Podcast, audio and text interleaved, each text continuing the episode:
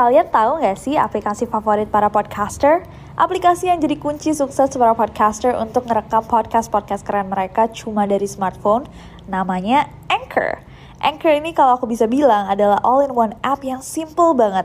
Gak heran kalau para podcaster bilang bahwa aplikasi inilah kunci kesuksesan dari podcast-podcast mereka. Di Anchor, kalian gak cuma ngerekam suara, tapi juga bisa ngedit. Mulai dari rekaman, isi lagu, efek, dan lain-lain. Yang paling aku suka adalah karena Anchor ini super fungsional. Aku bisa langsung upload podcast aku ke Spotify atau platform lain langsung dari Anchor. Kalian bisa download Anchor di smartphone kalian langsung dari App Store, Play Store, atau dari web mereka www.anchor.fm. Trust me, Anchor is your best friend to create stunning podcasts. And you know what? It's totally free. Hey guys, it's Nancy. And welcome back to Nero. To Nero, to Nero. Dan balok kayu sampai tulang-tulangnya patah dan kepalanya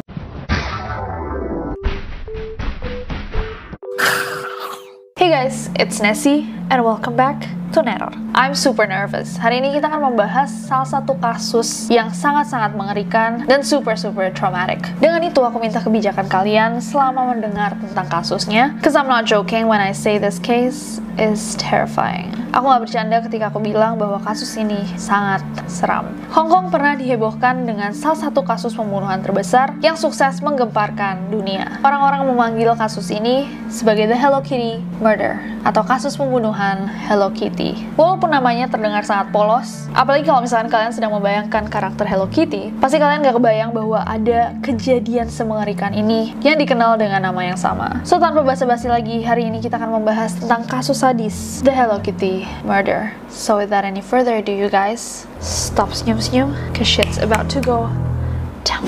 Okay. Kasus ini bermula ketika ada sebuah laporan yang diterima sama kepolisian Hong Kong dari seorang wanita muda, seorang remaja berusia 14 tahun yang bernama Ah Fong. Jadi hari itu pada Mei tahun 1999, Ah Fong ini datang ke polisi dan cerita bahwa dia itu dihantui oleh seorang wanita. Dengan gemetar ketakutan dia cerita sama polisi, "Pak, saya ini terus-terusan didatangi oleh arwah seorang wanita yang belum tenang.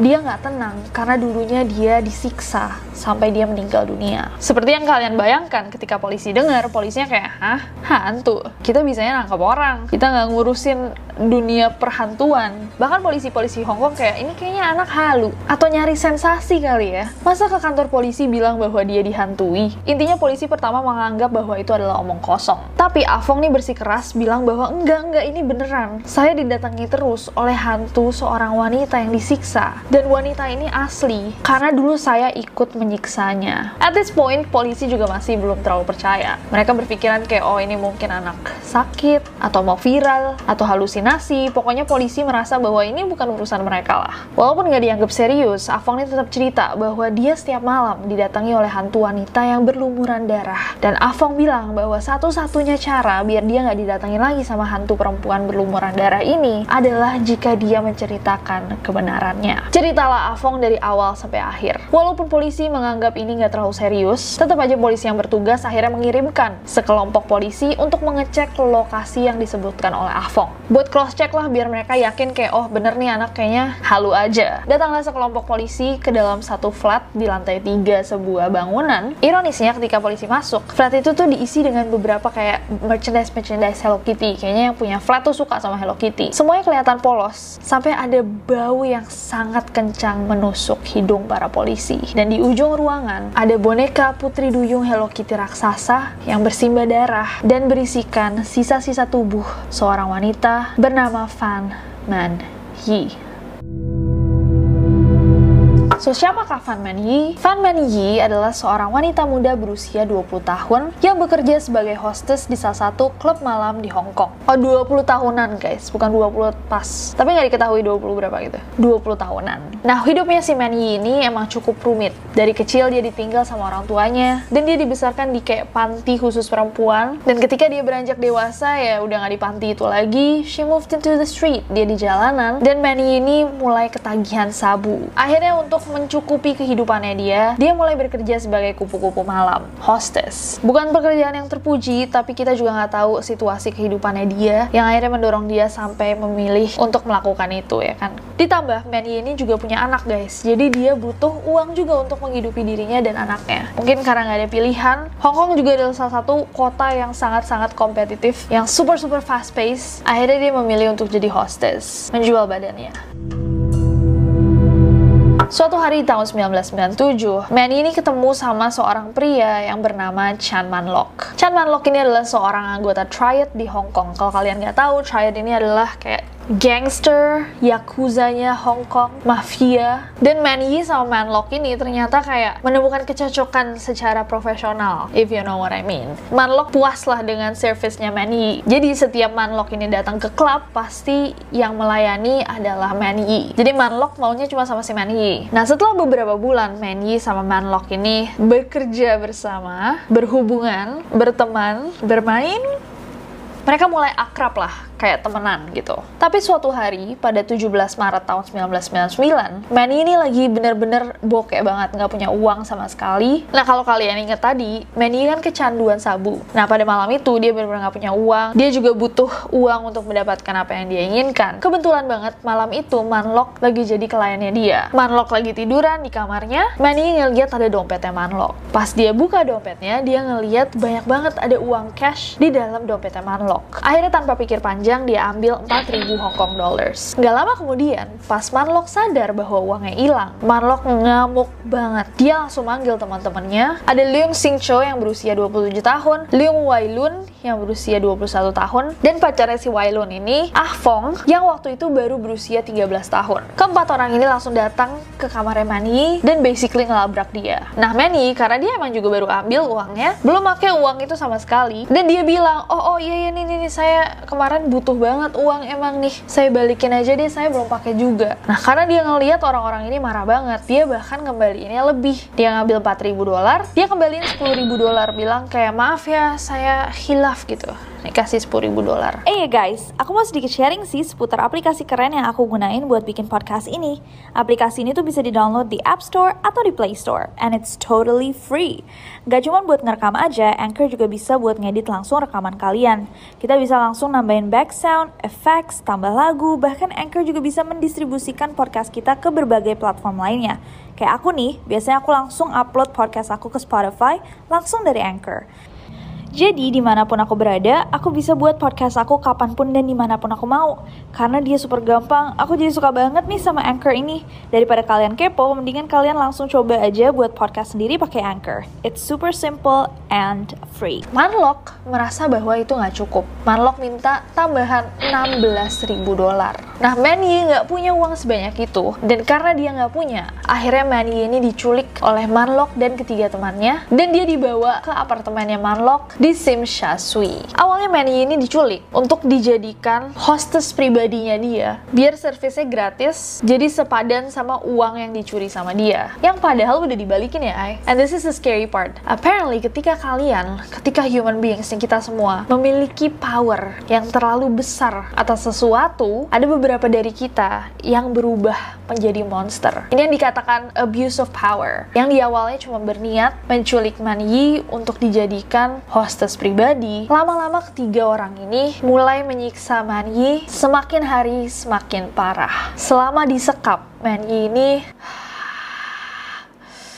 disiksa dengan cara-cara yang sangat-sangat mengerikan. Dia ditusuk, dibakar kulit dan telapak kakinya. Manlock dan teman-temannya membakar Fan Yi dengan melelehkan sedotan dan meneteskan plastik yang mendidih ke kulitnya. Bahkan si anak 13 tahun pacarnya salah satu temannya Manlock itu bercerita bahwa dia menuangkan minyak cabai ke luka bakar Man Yi dan juga ke matanya. Man Yi lalu digantung dari langit-langit dengan kawat dan para gangster ini memukuli dia dengan pipa logam dan balok kayu sampai tulang-tulangnya patah dan kepalanya berlumuran darah. Gak sampai situ, Manny juga dipaksa untuk meminum urin ketiga orang ini dan memakan kotorannya Afong. Manny juga dipaksa untuk tersenyum dan tertawa selama dia disiksa dan dianiaya, dan jika dia menolak atau nggak bisa, dia akan disiksa lebih keras lagi.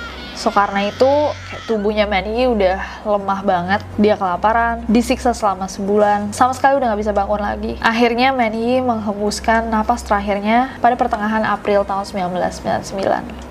Pas Manlok, Shincho, Wailun, sama Afong sadar bahwa Manny udah nggak ada, mereka terkejut dan panik banget. Mereka nggak nyangka bahwa manusia itu bisa meninggal secepat itu ya. Kalau disiksa ya kan, habis disiksa sebulan ya lama lah ya. Basically mereka shock ketika Manny-nya meninggal. Kayak wow, cepet banget ya ternyata gitu. Panik dong. Bau mayat manusia tuh kayak merebaknya tuh gampang banget. Dan mereka nggak mau ditangkap sama tetangga-tetangganya basically. Akhirnya tiga pria ini memindahkan mayat tersebut ke dalam bak mandi dan memotong memotongnya dengan gergaji. Setelah itu potongan-potongannya biar nggak bau ceritanya direbus. Dan direbusnya itu di tungku mereka yang biasa buat mereka masak. Bahkan at some point, ini menjijikan banget. Saat dia merebus jasadnya Manyi, Manlok tuh sempet masak mie instan dan dia ngaduk mie instan itu dengan sendok yang sama dia buat ngaduk badannya Manyi.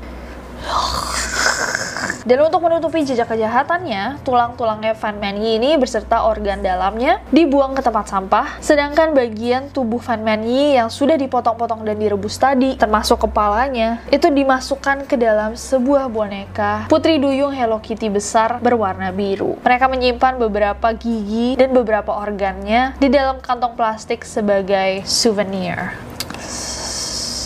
Tapi seperti aku ceritakan di awal video tadi, tak lama setelah itu, Afong yang pada saat itu berusia 13 tahun mulai didatangi oleh arwahnya Mani. Setiap malam dia didatangi oleh hantu wanita yang berdarah dari ujung kepala sampai kaki. Semakin lama semakin seram sampai akhirnya dia udah gak kuat dan akhirnya dia ke polisi tadi. Dan dia menceritakan segalanya. Entah apakah yang datang itu benar-benar arwahnya Mani atau si anak 13 tahun ini mungkin merasa bersalah.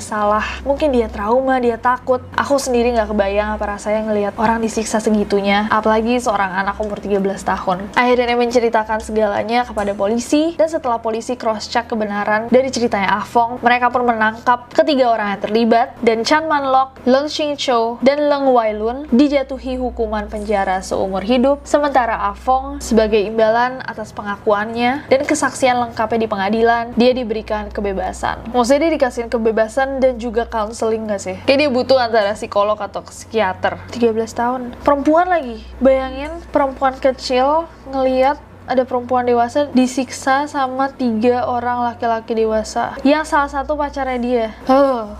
Nah, kasus yang satu ini tuh kasus yang mengguncang dan mengagetkan banyak sekali orang. Dan konon katanya, bahkan tetangga-tetangga yang tinggal di dalam flat yang sama itu, tempat di mana Mani disiksa, itu banyak yang move out, meninggalkan bangunan itu. Karena konon katanya, mereka masih bisa mendengar suara-suara atau melihat arwahnya Mani yang masih menghantui tempat itu. Semakin lama semakin banyak yang keluar sampai akhirnya gedung itu dibeli oleh investor dan pada tahun 2012 dihancurkan untuk menghapus noda gelap dari sejarah jahatnya.